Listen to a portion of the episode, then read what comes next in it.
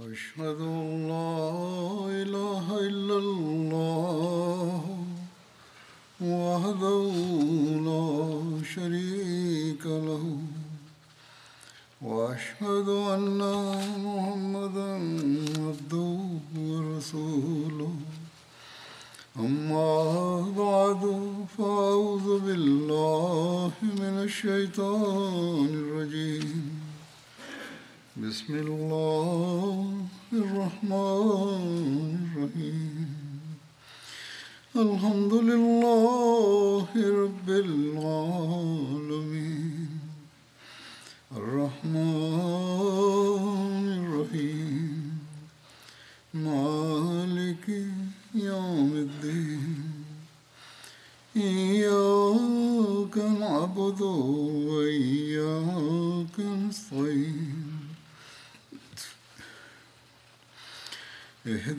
الصراط المستقيم. صراط الذين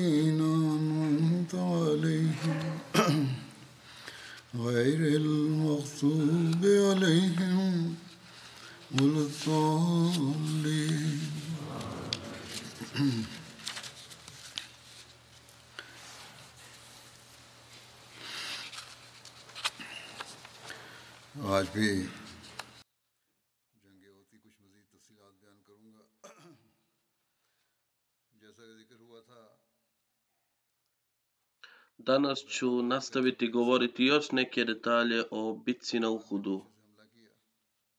Kako je spomenuto, zbog praznog prijevoja, nevjernici su napali sleđa i preokrenuli tok bitke.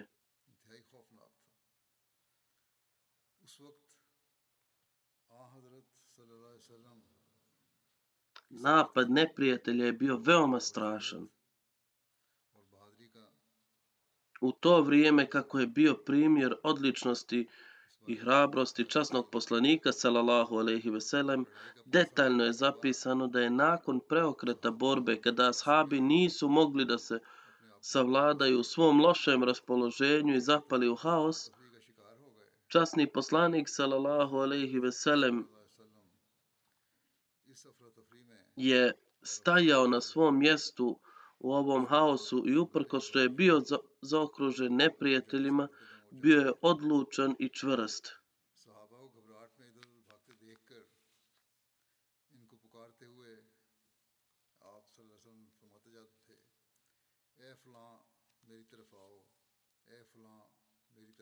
Vidjevši ashabe kako u panici trče okolo, poslanik sallallahu alaihi veselem ih je zvao. O taj i taj dođi k meni, o taj i taj dođi k meni, ja sam Allahov poslanik. Dok su vas sa svih strana zasipali, dok su ga sa svih strana zasipali strijelama. Prema jednoj predaje poslanik sallallahu alejhi ve sellem u sav glas je rekao ja sam poslanik, u tome nema laži. Ja sam sin Abdul Mutaliba, ja sam Avatik, to jest sin u Avatika.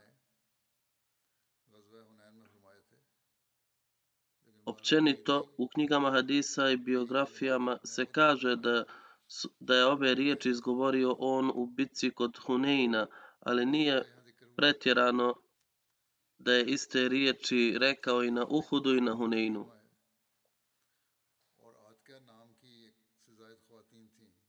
Ovdje se spominje Avatik. Avatik je množina od Atka i bilo je više žena po imenu Ataka koje su bile nane časnog poslanika sallallahu alejhi ve sellem.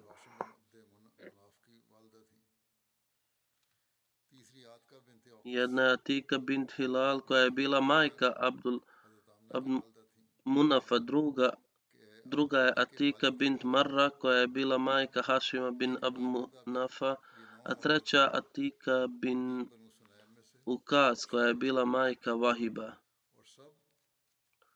oca Hazreti Amine. Prema predaj bilo je devet žena, tri su bile iz Benu Selima i šest iz drugih plemena i sve su bile nane časnog poslanika, salallahu alaihi veselem. Navodeći detalje ovog incidenta, Hazreti Mirza Bashir Ahmad sahib je napisao u Sirat Hatama Nebijin, kada su pratioci Abdul bin Džub, Abdullaha bin Džubeira vidjeli da je pobjeda sada postignuta, rekli su svom vođi Abdullahu da je pobjeda sada postignuta i da muslimani skupljaju plijen, dozvolite nam da se pridružimo s vojskom. Abdullah ih je zaustavio i podsjetio na upute,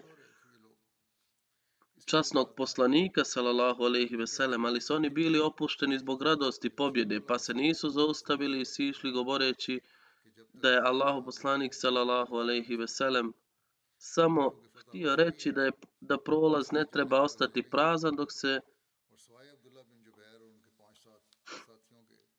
dok se ne provjeri stanja. Sada kada je pobjeda postignuta, nema potrebe, zato nema potrebe da se ostaje, pa niko nije ostao da čuva prolaz osim Abdullah bin Džubeira i pet ili sedam njegovih saputnika. Oštro oko Halida bin Velida pogledalo je u dolinu iz, iz daljine i otkrilo čisto polje na kojem je bilo na kojem je brzo okupio svoje konjanike i odma se okrenuo prema dolini. A Ikrama bin Abu Džehal je također bio iza njega, pa okupljujući ostale borce, stigao je tamo i ove dvije trupe su ubile Abdullah bin Džubeira i njegovog pratioca u napadu. Iznenada je napao s, iz pozadine islamsku vojsku. Muslimani koji su bili nepažljivi zbog pobjede uplašili su se ovog iznenadnog napada, ali su ipak uspjeli da se organizuju i htjeli su da se vrate da zostave napad nevjernika.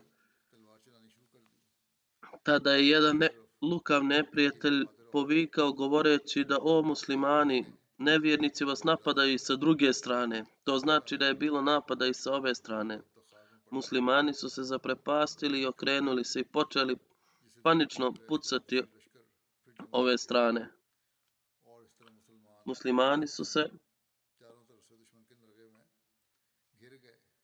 zaprepastili, okrenuli su i panično pucali mačevima na svoje ljude. Sa druge strane, hrabra žena iz Mekke Umra bin Al-Kurejša, koja je do sada ležala u prašini, podigla se i tako kurejška vojska se ponovo okupila. Pa tako su muslimani zaista sa svih strana bili okruženi neprijateljima i nestala je i nastala je शराबे में आपकी आवाज़ दब दब दब कर रह जाती थी i मोरखीन nastala je opšta pometnja ये सब कुछ u इतना islamskoj तेज़ी से हो vojsci. गया कि अक्सर मुल्क Toliko je već objašnjeno neprijateljima i nastala je opasna Toliko je već objašnjeno u prethodnoj hudbi kako su se okupili, kako su napali i ko je podigao zastavu. Međutim, ono što slijedi je da je u to vrijeme časni poslanik sallallahu alejhi ve sellem koji je stajao na visokom mjestu i gledao sve te scene. Dozivao muslimane, ali mu je glas bio prigušen od buke. Istoričari pišu da se ovo dogodilo u tako kratkom vremenu da je većina muslimana bila izgubljena. Čak i u ovako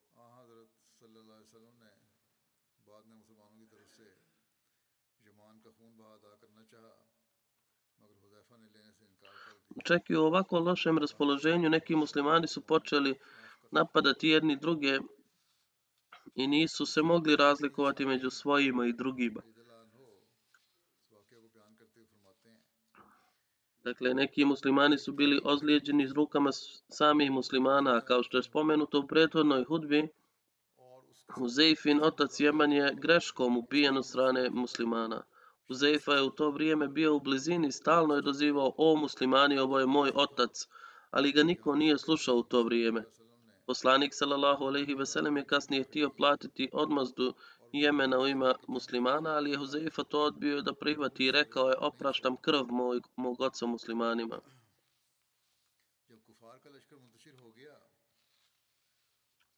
Hazreti Halifa, al Halifatul Mesih, Al-Sanid, radijallahu anhu prenosi i za ovaj incident i kaže mračan čas je bio kada je poslanik sallallahu alaihi ve sellem bio ranjen na Uhudu i takvi događaji su se gomilali da se pobjeda islamske vojske pretvorila u poraz. U ovoj bici je postojao prijevoj gdje je časni poslanik sallallahu alaihi ve sellem odabrao neke od svojih ljudi i naredio im da bez obzira na ratnu situaciju ne napuštaju prolaz kada se vojska nevjernika razišla, pogrešno su mislili kakva je korist od ostanka ovdje.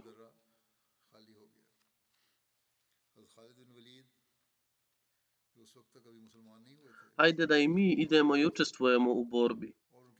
Njegov, njihov poglavar im je također rekao da je časni poslanik sallallahu alejhi ve sellem naredio da ne napuštamo ovaj prolaz.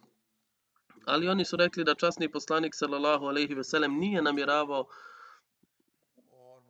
da ostanemo ovdje čak i ako je pobjeda izvojevana, nego njegova izjava je značila da ne napuštate ovu, ovaj prolaz sve dok traje rat. Ali sada kada je pobjeda postignuta i neprijatelji bježe, trebali bismo osvojiti i, nagradu, i neku nagradu od džihada. Tako je taj prolaz postao prazan. Hazreti Halid bin Velid, koji do tada još nije postao musliman, bio je mlad i imao je vrlo oštar vid prilikom bježanja sa svojom vojskom. Slučajno je bacio oko nazad pa vidio da je, pro, da je prolaz prazan. Vidjevši to, odmah se vratio i napao po muslimane sa leđa. Pošto je ovaj napad za muslimane bio potpuno neočekivan, oni su bili jako uznemireni i nisu mogli odoljeti neprijatelju koji se raspršio. Drugi halifa spominje ovaj incident u svom komentaru na ajet sure ajeta 64 sure An-Nur. Oni koji se protive borbi ovog posla, oni koji se protive naredbi ovog poslanika trebali bi trebaju se bojati da ih ne zadesi neka nevolja od uzvišenog Allaha. Ovaj prijed, prijevod ovog ajeta da ne trpe bo, da ne pretrpe bolnu kaznu. On kaže vidite koliko je štetu islamska vojska pretrpela zbog kršenja ovog naređenja u bici na Uhudu. Poslanik sallallahu alejhi ve sellem je odredio 50 vojnika da čuva prelaz i onaj i ovaj prelaz je bio toliko važan da je on pozvao najboljeg oficira Abdullaha bin Džubeira Ansarija i rekao da bilo da smo ubijeni ili pobjeđeni ili nećete napustiti ovaj prolaz. Ali kada su nevjernici bili poraženi i muslimani počeli da ih progone, tada su na ovom prijevozu postavljeni vojnici. Rekli su svom oficiru da je sada pobjeda postignuta, sada je beskorisno da ostanemo ovdje. Dozvolite nam da uzmemo nagradu za učešće u džihadu. Njihov oficir im je objasnio nemojte postupati nasuprot naredbe časnog poslanika, jer je časni poslanik sallallahu alejhi ve sellem rekao da bez obzira da li ste pobjednici ili poraženi nećete napustiti ovaj prijelaz, tako da vam ne mogu dozvoliti da odete. Oni su odgovorili časni poslanik sallallahu alejhi ve sellem nije zna mislio da čak i ako je pobjeda postignuta ne smijemo se maknuti. Njegova poenta je bila samo da naglasi, sada kada je pobjeda ostvarena, šta ćemo ovdje? Tako su napustili ovaj prolaz preferirajući svoje mišljenje nego naredbu časnog poslanika sallallahu alejhi ve sellem. Ostali su samo njihov oficir i nekoliko vojnika. Kada je nevjernica, nevjernička vojska trčala prema Mekki, odjednom se Halid bin Velid osvrnuo i našao prolaz prazan. Pozvao je Amra bin Asa.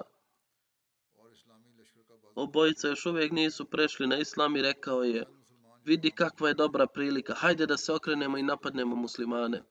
Obojica generala su ponovo skupili vojsku napadajući muslimane i popeli su se na planinu.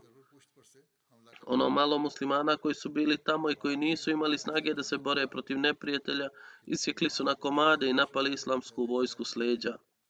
Ovaj napad nevjernika bio je toliko iznenadan da muslimani koji su se širili, raširili u radosti, pobjede nisu mogli da se udruže. Samo nekoliko ashaba je trčalo i okupljalo se oko časnog poslanika, čiji je broj bio najviše 20. Ali koliko dugo bi ovih nekoliko ljudi moglo odolijevati neprijatelju? Konačno, zbog okupljane nevjernika, muslimanski vojnici su također potisnuti. A časni poslanik, salallahu alaihi veselem, je ostavljen sam na bojnom polju. U ovoj situaciji poslanik je udario kamen u glavu, poslanika je pogodio kamen u glavu zbog čega i koji je probio kacigu na glavi i on se onesvijestio i pao je u jamu koju su neki zli ljudi iskopali da naškode islamskoj vojsci i bio je pokri, pokriven. Nakon toga su još neki ashabi ubijeni i njihova tijela su pala na njegovom mubarek tijelo. I među ljudima se pročulo da je časni poslanik sallallahu alaihi veselem ubijen. Kako god ovi ashabi koji su odgurnuli nevjerničke vojske, čim su se nevjernici povukli, okupili se oko časnog poslanika sallallahu alaihi veselem i izvukli ga iz jame. Nakon nekog vremena časni poslanik sallallahu alejhi ve sellem se osvijestio i poslao je ljude oko polja da ponovo okupe muslimane i poveo ih sa sobom u podnožje planine. Nakon pobjede islamske vojske nad nevjernicima,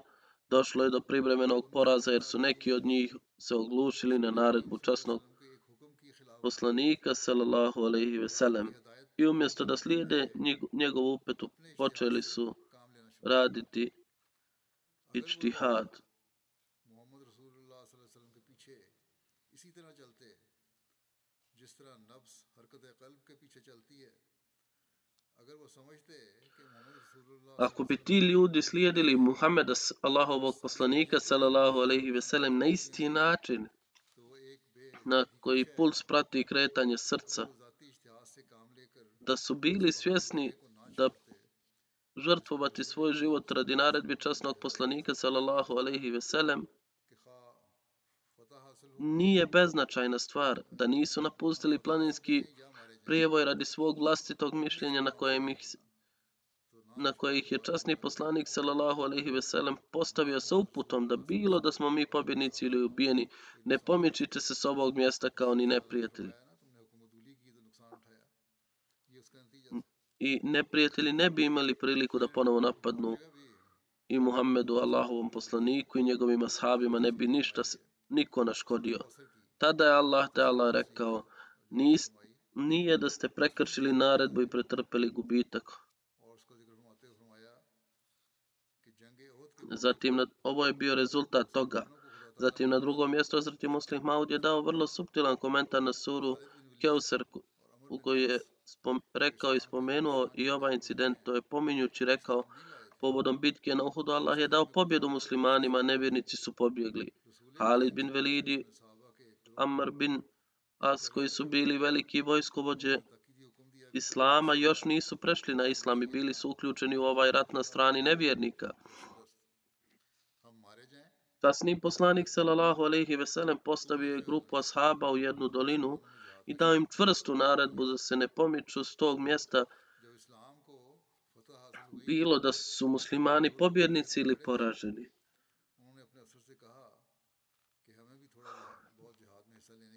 Bilo da umremo ili ostanemo živi. Ne smijete napustiti ovo mjesto. Muslimani su imali strast prema džihadu još uvijek ga vole. Kada je Islam pobjedio, oni koji su stajali na ovom prolazu, zamolili su svog oficira da nam dopusti da malo učestvujemo u džihadu. Islam je pobjedio i više nema opasnosti. On je odgovorio da je časni poslanik sallallahu alejhi ve sellem naredio da bilo pobjede ili poraza da umremo ili da smo živi, ne miči se sa ovog mjesta. Zato bi trebali ostati ovdje. Oni su rekli da je časni poslanik sallallahu alejhi ve sellem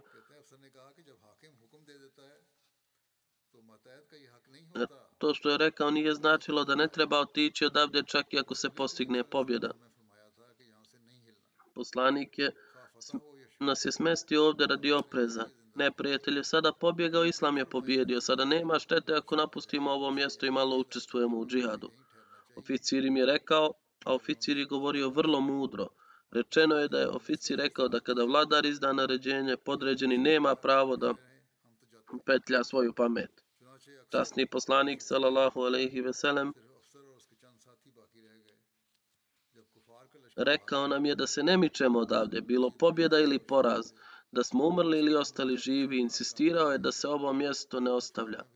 Tako da po njegovim upustvima trebamo ostati ovdje ali oni nisu to prihvatili i toliko su insistirali na svojoj grešci da su rekli svom oficiru, ti ostani, mi idemo. Tako da je većina njih otišla. Ostali su samo oficiri nekoliko pra njegovih pratitelja. Kada je vojska nevjernika pobjegla, Halid bin Velid je bio veoma inteligentan i pametan.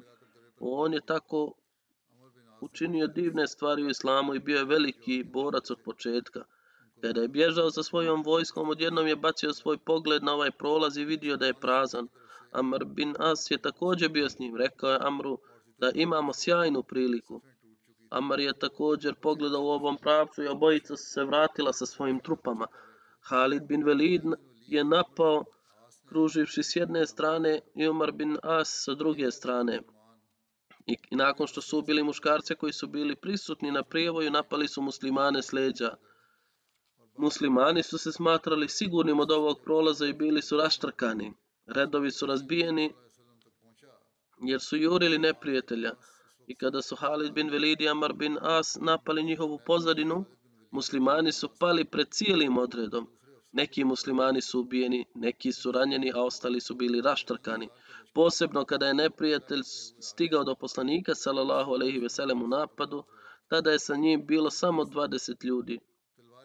Ova dva generala, Halid bin Velid i Amar bin As, također su obavijestili svoje druge oficire da također trebaju da napadnu, pa je ova vojska od 3000 došla vičući.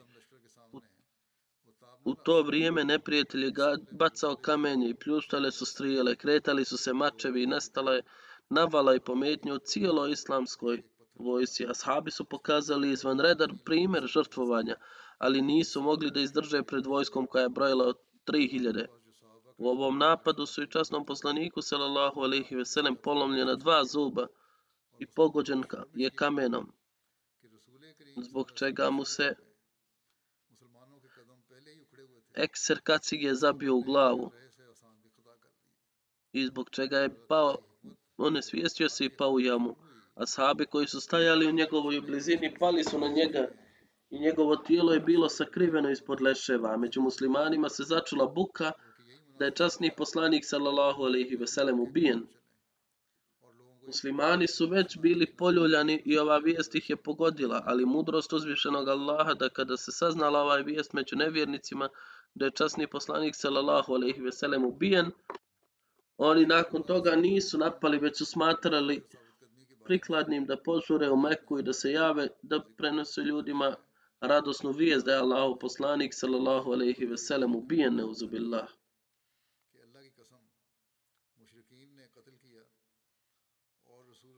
spominje se u hadisima o hrabrosti postojanosti poslanika sallallahu alejhi ve sellem. Muqdad bin Amr je spomenuo dan Uhuda i naveo da je tako mi Allaha mušrici su ubijali ljude i ranili Allahovog poslanika sallallahu alejhi ve sellem. Poslušajte za, zakljetvu onoga koji vas je poslao sa istim. Allahov poslanik sallallahu alejhi ve sellem nije se povukao ni pedalj i suočio se s neprijateljem a grupa njegovih ashaba jednom bi se vratila do vas, a zatim bili odvojeni silinom napada. Odnosno, kada bi nevjernici napadili, oni bi se razišli i onda bi se vratili. Tako bi ponekad on stajao i gađao strijeli iz svog luka i bacao kamenje sve dok nije otjerao mušrike. Allahov poslanik sallallahu alaihi ve sellem stao je čvrsto sa grupom ashaba. U hadisu se kaže da Allahov poslanik ostao nepokolebljiv na svom mjestu i nije se povukao ni za korak, već je nastavio da se bori s neprijateljem s jedne strane na drugu i nastavio da gađa strijele na njih svojim lukom, sve dok, su mu, ti, sve dok mu tijelo nije slomilo i ostao mu je komadić u ruci. Oni koji su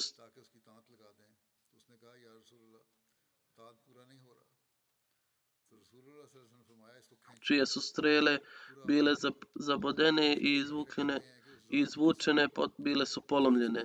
Pa je Akša bin Muhsan uzeo gudalo od njega da ga nateže, pa je rekao, o Allaho poslaniče, tetiva se ne završava. Allaho poslanik je rekao, nategni je i to će biti završeno. A Kaša kaže, kunem se Bogom koji vas je poslao sa istinom, povukao i ona se raširila, pa sam dva ili tri puta ga natezao. Prvo, nije mogao da nateže ni jednom, a kasnije se dva ili tri puta natezao. I to je bilo poput čuda. Tada je Allah poslanik sallallahu alaihi veselem uzeo svoj luk i nastavio da gađa strijele, a Ebu Talha ga je pokrivao kao štit sve dok se luk nije raspao i strijele mu se potrošile.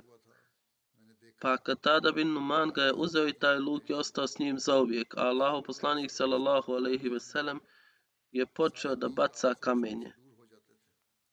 Nafi bin Džubeir prenosi da sam čuo jednog od muhađira kako je rekao da sam bio prisutan na Uhudu i vidio sam strele kako dolaze sa svih strana.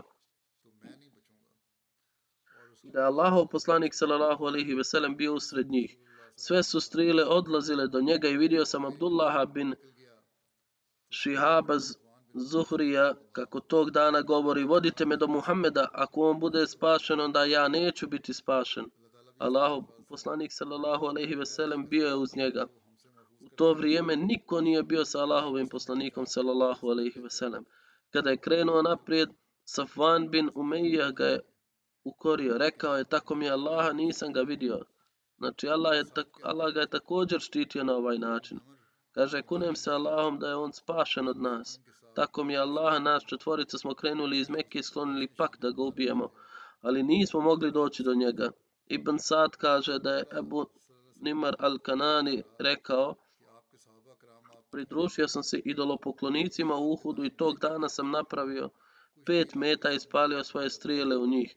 Stalno sam gledao Allahovog poslanika sallallahu alejhi ve sellem i njegovi drugovi su ga okruživali, a strijele su padale s njegove desne i lijeve strane.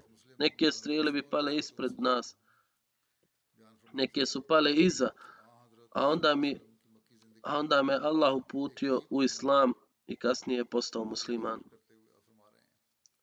Vezano za ovo, obećani Mesija alaihi selam kaže životčasnog poslanika sallallahu alaihi veselem u Mekki je čudan primjer Pominjući njegovu hrabrost, obećani Mesija alaihi salam kaže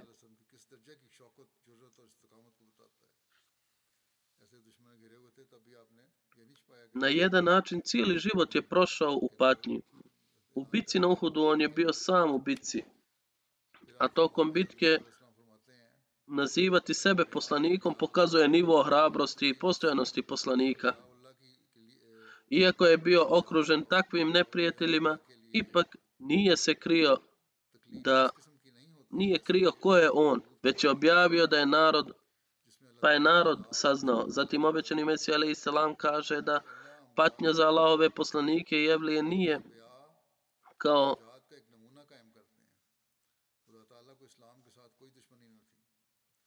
kao poput poniženja jevreja u kojima se izražava Allahova kazna i njegovo nezadovoljstvo. Već poslanici daju primjer hrabrosti. Sve mogući Allah nije imao ne, neprijateljstvo prema islamu, ali ali pogledajte bitku na Uhudu. Allahov poslanik sallallahu alejhi ve sellem je ostao sam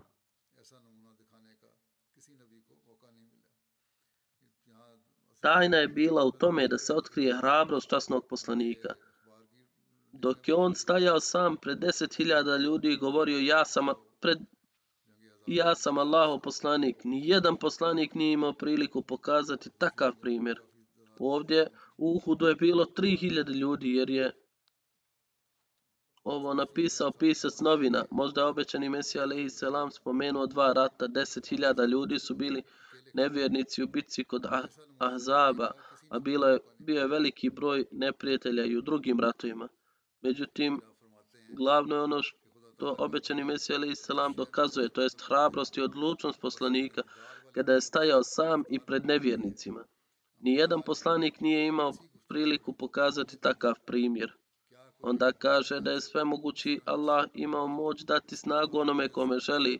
Ta, tako je u svom govoru ispunio moć svog vida.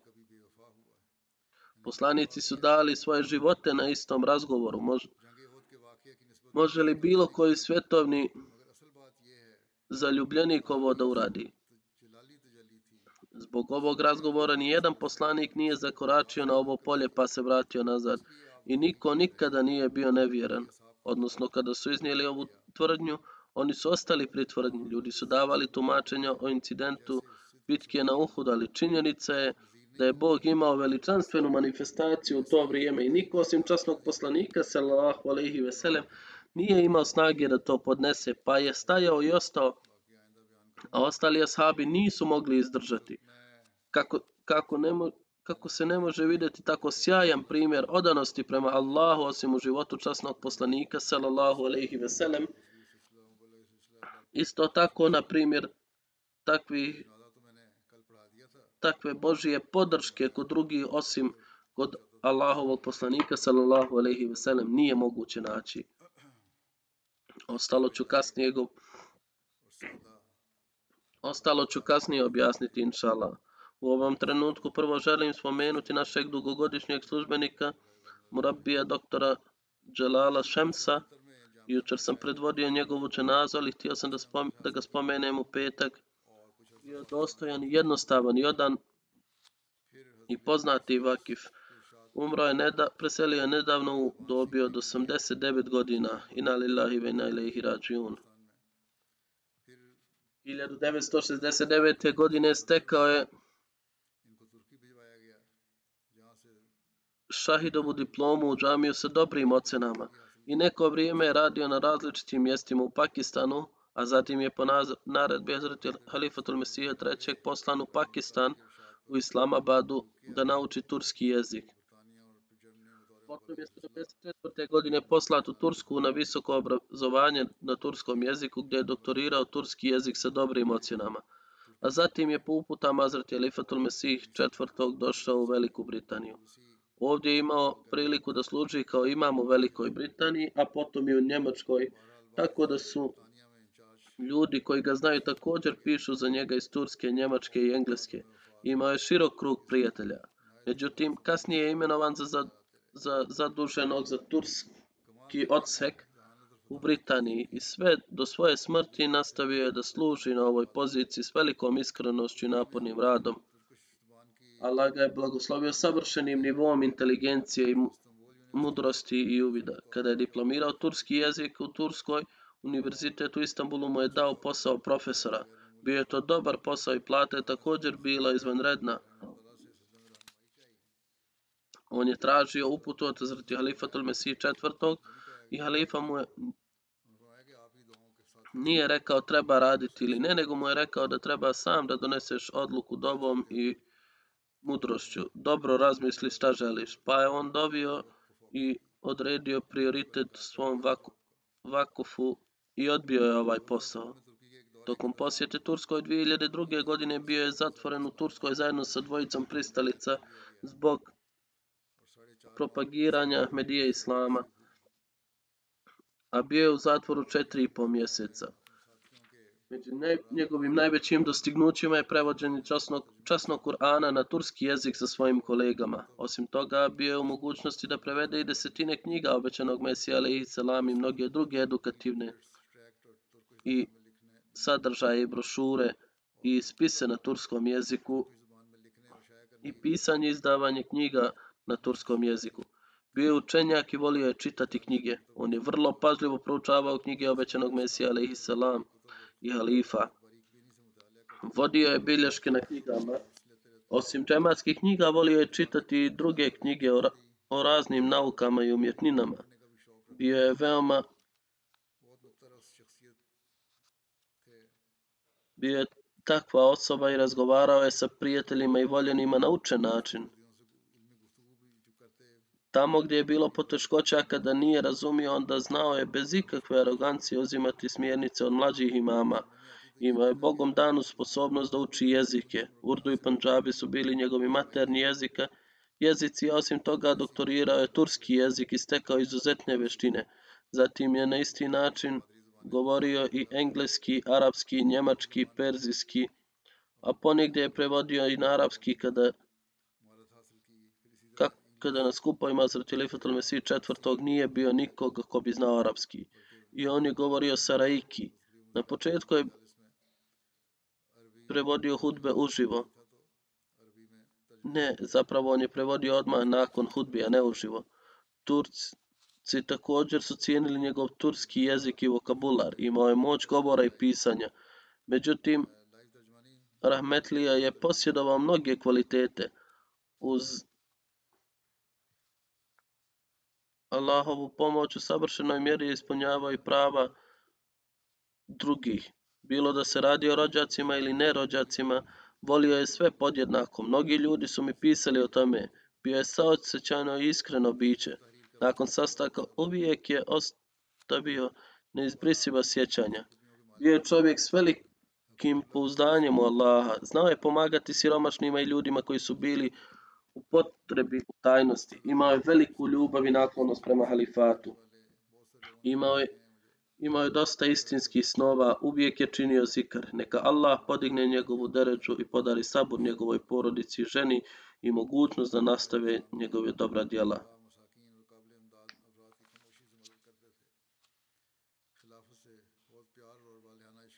Govorit ću o još nekima koji su, osobama koje su preselile i predvodit ću im dženaze u odsustvu.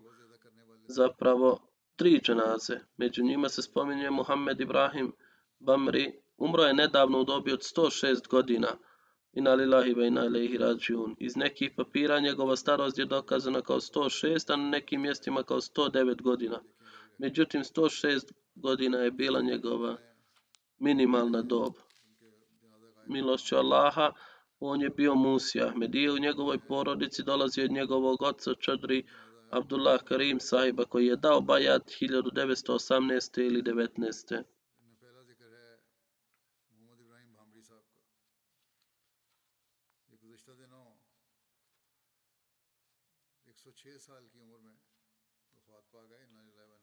Bamri sahib spominjući svog oca piše da je Ahmedije došao u porodicu milošću Allaha preko mog oca. Moj otac je ranije bio povezan sa grupom Ehli Hadis. Godine 1918. vid mu je oslabio zbog bolesti katarakte. I došao je bio na liječenje u bolnicu, u nu, bolnicu Nuru Kadijanu. Pošto je moj otac bio poznat, ljudi su saznali da je Čodri Abdul Karim sahib primljen u bolnicu, pa su ljudi počeli dolaziti u posjetu. Učitelj Abdul Rahman sahib Meher Sind i drugi starešine su također dolazili na posjetu i pazili Čodri sahiba. I ovi ljudi su mu također prenosili poruku džemata. Tako Bamri Saj piše da je problem bio dobro riješen umu oca da je Hazret Isa a.s. umro i da mu je u srcu ostalo da je Isa, da Isa nije živ, već je umro. Kada je njegovo srce postalo uvjereno da je obećani Mesija a.s. apsolutno istinit, jer kada je Isa um, umro, tada je bilo potrebno vrijeme obećanog Mesije, tako da je ovo bilo vrijeme za dolazak obećanog Mesije. Ako neće sada, onda kada će doći? Pa tako tokom svoje bolesti u Kadijanu, je dao bajat i kada se vratio u svoje selo Bamri. Ljudi su saznali da je prihvatio Ahmedijet i bilo im je veoma žao. Ljudi su mu rekli, gospodin Abdul Karim sahib, da saznali smo da ideš u Kadijan i, post, i da si postao Mirzai. Čak i da si oslijepio, ne bismo ti dozvolili da odeš u Kadijan. Tada je njegov otac odgovarao da je uz moj fizički uz moj fizički vid postao oštriji moj duhovni vid i govorio je da je duhovni vid važniji od fizičkog. Ne mogu dovoljno zahvaliti uzvišenom Allahu što me Allah uputio na pravi put i mogu reći zbog uvida da je obećani Mesija alaihi salam istinit. Međutim, ljudi u selu su imali toliko mržnje prema obećanom Mesiji alaihi salam, hoće su stvorili toliko otrova u njihovim umovima da su govorili da ćemo te prihvatiti kao Mehdi ako tvrdiš, ali nećemo prihvatiti Mirzu Gulama Ahmada. No, ovo je njegov otac govorio da je to zbog znaka autentičnosti da sam mu vjerovao i vjerovao s, sa istinskim razumijevanjem. Tako da i vi trebate vjerovati. Međutim, njegov otac upisao je njega i njegovog bra, mlađeg brata u Kadijanu u medresi Ahmedija 1926. godine i oni su svakodnevno putovali pet milja da bi došli u ovu školu da uče. Otac mu je preselio 31. godine, pa su njegova braća pokušala i rekla majici da ova dva brata Ibrahima, Bam, Bambarija i njegovog mlađeg brata, ne treba poslati u Kadijan, moraju daleko putovati. Ovdje u blizini ima škole, tamo ćemo ih upisati. Ali majka je rekla da je to ne mogu. Kada ih je njihov otac upisao u medresa Ahmedija, oni će i dalje tamo nastaviti. I kaže, otišli smo tamo u Kadijan. Zatim, nakon što je prošao medresu iz Kadijana, uš, ušao je džamija Ahmedija u sedmi razred. U to vrijeme, nakon sedmog razreda, su mogli preći u džamija Ahmedija. Studirao je džamija Ahmedija, zatim je 41. godine prihvatio privatno položio maturu. 39. godine položio ispod za Maulvi Faz, Fazil. Na pamet je učio cijelu kasidu obećanog Mesija alaih salam i recitavao mnoge druge ilahije od, drugih, od drugog halife i obećanog Mesija alaih salam. Znao je mnogo citata i odlomaka na pamet. 1939. godine nakon što je položio ispit Maulvija Fazila na univerzitetu Panča, posvetio je svoj život džematu. Kada je došao kod Hazreti Halifatul Mesih, drugog halifa mu je rekao da nauči kancelarijski posao. 1. januara 1944. godine postavljen je za nastavnika teologije i arapskog jezika u medresi Ahmedija. Obavljao je džematske poslove od 41. do 47. godine, a od 41. do 44. godine tri godine je radio kao lični sekretar Hazreti Mirze Bashir Ahmada. Zatim je radio u Bejtul Malu jer ga je Hazreti Muslim Maud savjetovao da nauči kancelarijski rad. Zatim je 47. godine postavljen za nastavnika u srednjoj školi u Kadijanu i nakon podjele dobio je priliku da služi u srednjoj školi u Rabvi. Ove službe obavljao je do 74.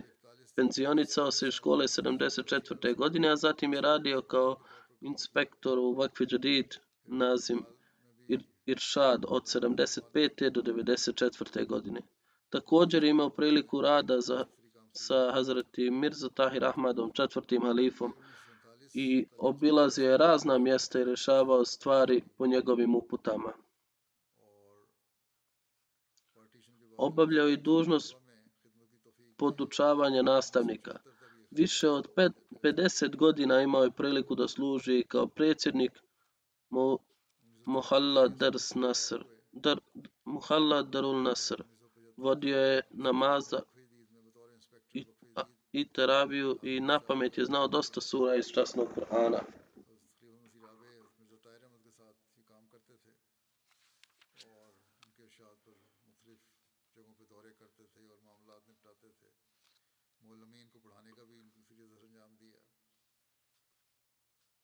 Jedna od njegovih kćeri kaže da je njegovo ponašanje prema rođacima bilo uzorno. Svi rođaci koji su živjeli izvan Rabve, njihova djeca su studirala u našoj kući. Tajna njegovog dugog i blagoslovljenog aktivnog života bilo je da je ustajao rano ujutru i često učio Allahov zikr, šetnje i vožnje bicikla do škole i kancelarije, Jeo je vrlo jednostavnu hranu i uvijek je bio zadovoljan i strpljiv. Volio je halife bezuslovno i istinski. Kaže da smo svi mi djeca i živimo u inostranstvu. Stoga kada su ga zamolili da dođe kod nas, govorio je ja moram svakodnevno ići da dobim na mezar Hazreti Muslim Mauda, tako da sada ne mogu otići vani. Također je imao posebnu ljubav i naklonost prema Hazreti Muslim Maudu.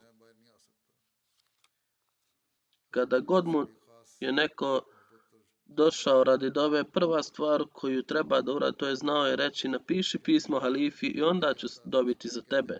Zatim bi podigao ruke i molio Allahu, a prije spavanja bi pručio cijelu kasidu obećanog Mesija a.s. salam Jajna fajzillahi wal irfani. Zatim ona piše Moj otac je često pominjao san da je njegov otac, odnosno njen djed, djed njegove čerke, video da se Ibrahim penje na palmu i da se uplašio da ne padne. Kaže, ali čim dođem do posljednog dijela palme, pa moj otac je tumač, čim dođem do posljednjeg dijela palme, pa je moj otac tumačio ovaj san kao njegov dug život i znanje. Šejh Mubarak Ahmad Sahib Nazir Divan Pakistan piše da bio sam njegov učenik, a zatim pet godina predavao u školi s njim kao učitelj. Bambri Sahib je radio kao učitelj u internatu, radio je dugo vremena.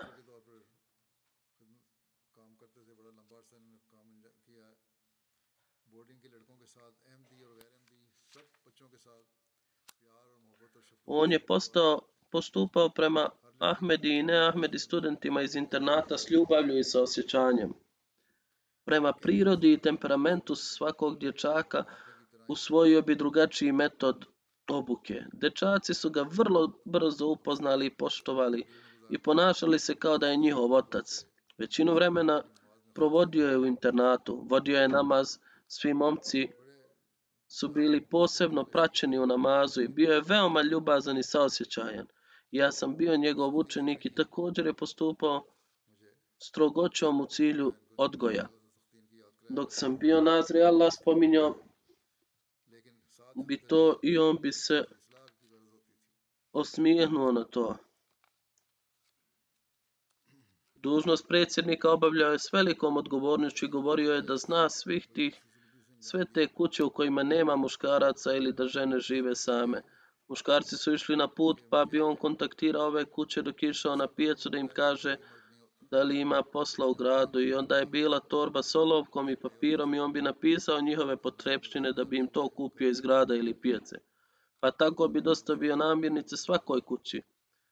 Prenio bi pismo do pošte ako bi neko slao pismo, ali i donio bi pismo iz pošte i da su pisma dolazila odatle, donosio bi iz pošte i dostavio njihovim kućama.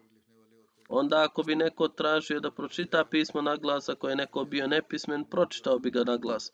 Bio je vrlo povjerljiv i nikada nije prenio ničiju privatnu stvar drugim osobama. U nekim slučajevima, zbog predsjednika mesne zajednice, kod njega su dolazile žene sa slučajevima svojih muževa, pa bi on davao savjete muževima, uvidjevši dobru priliku bez davanja do znanja da, da je on informiran o tome, pa kako bi, riješ, kako bi riješio slučajeve.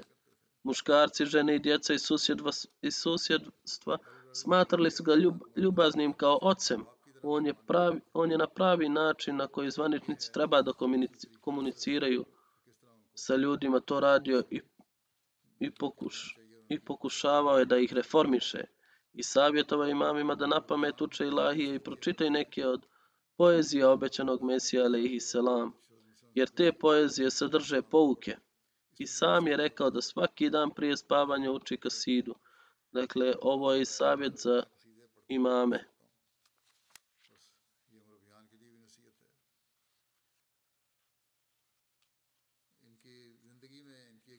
U njegovom životu Jedna od njegovih kćeri je bila ubijena dok je dolazila u rabvu iz sela, a ovu traumu je podnosio sa velikim strpljenjem i smirenošću. Zatim je druga kćerka umrla u Londonu, u to vrijeme je također bio bolestan i dženaza je održana u rabvi. I u to vrijeme on je s velikom hrabrošću podnosio ovaj šok, ali je i drugima savjetovao da budu strpljivi. Uglavnom vodio je svakako uspješan život i dugo je živio, I često je govorio da onaj drugi svijet je lepši od ovog svijeta.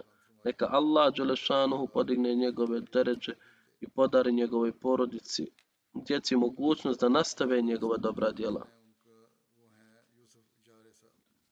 Sljedeća dženaza koju trebam predvoditi je Jusuf Adžare, sahiba porijeklom iz Gane. Nedavno je preselio, inna lillahi ve inna ilaihi rađiun.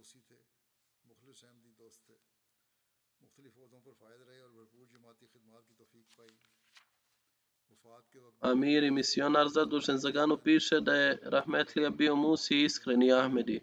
Bio je na raznim funkcijama i bio je u mogućnosti da pruži mnogo usluga. U vrijeme svoje smrti također je služio kao predsjedavajući odbora dviju viših srednjih škola Ahmedije džemata. Bio je povezan sa odeljenjem za ocekom za obrazovanje. Prije pensionisanja radio je kao direktor viših škola Ahmedija u Porconu, a zatim u Komasiju. Jusuf Sahib je bio direkt, je kao direktor viših škola Ahmedija u Porconu. Jusuf Sahib je također bio predsjednik Međlisa Hudamul Ahmedija Gana. Tokom posjete Hazreti Alifatul Mesih 488. godine, on je bio predsjednik Međlisa Hudamul Ahmedija i davao je svoju, svoj doprinos za sigurnost. Rahmetli je bio povezan sa ocekom za obrazovanje i uvijek je bio za, zainteresovan za obraza, obrazovanje omladina Ahmedija džemata. Jedna, jed, jedan od njegovih unuka je imam. Neka Allah podari oprost i milost. Sljedeće ću spominjati je Al-Hadži Usman bin Adam sahib iz Gane. Nedavno je preselio u dobi od 81. godine. Inalilahi ve ina ilaihi rađiun. O njemu piše glavni misionar i amir da je bio veoma iskren Ahmedi koji je bio Musi. Iskren Ahmedi redovan u namazima i davanju članarine i učesnik u džematskim poslovima. Istinski sluga halifata na, nastojao je da taj duh usađuje i u svoju djecu. Veliku pažnju poklonjao je vjerskom i svjetovnom obrazovanju svoje djece. Također je odigrao veliku ulogu u prijevodu časnog Kur'ana na fanti jeziku. Odigrao je značajnu ulogu u prevođenju časnog Kur'ana na fanti jezik. Njegova žena kaže da je Rahmetlije bio veoma strpljiva osoba i puna ljubavi. 2012. godine uz Allahovu milost bio je blagosloven da obavi hač. Učio je Kur'an mnoge, mnoge članove džemata. Neka Allah podari oprost i milost i podari njegove djeci mogućnost da nastave njegova dobra djela.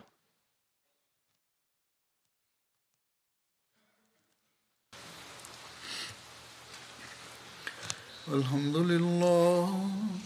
الحمد لله نحمده ونستعينه ونستغفره ونؤمن به ونتوكل عليه ونعوذ بالله من شرور أنفسنا ومن سيئات أعمالنا.